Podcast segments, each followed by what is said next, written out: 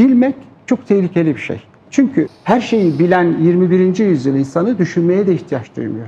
Dolayısıyla çok kolay kandırılabiliyor. Kelime üretmemize izin vermiyor mevcut ekonomik sistem.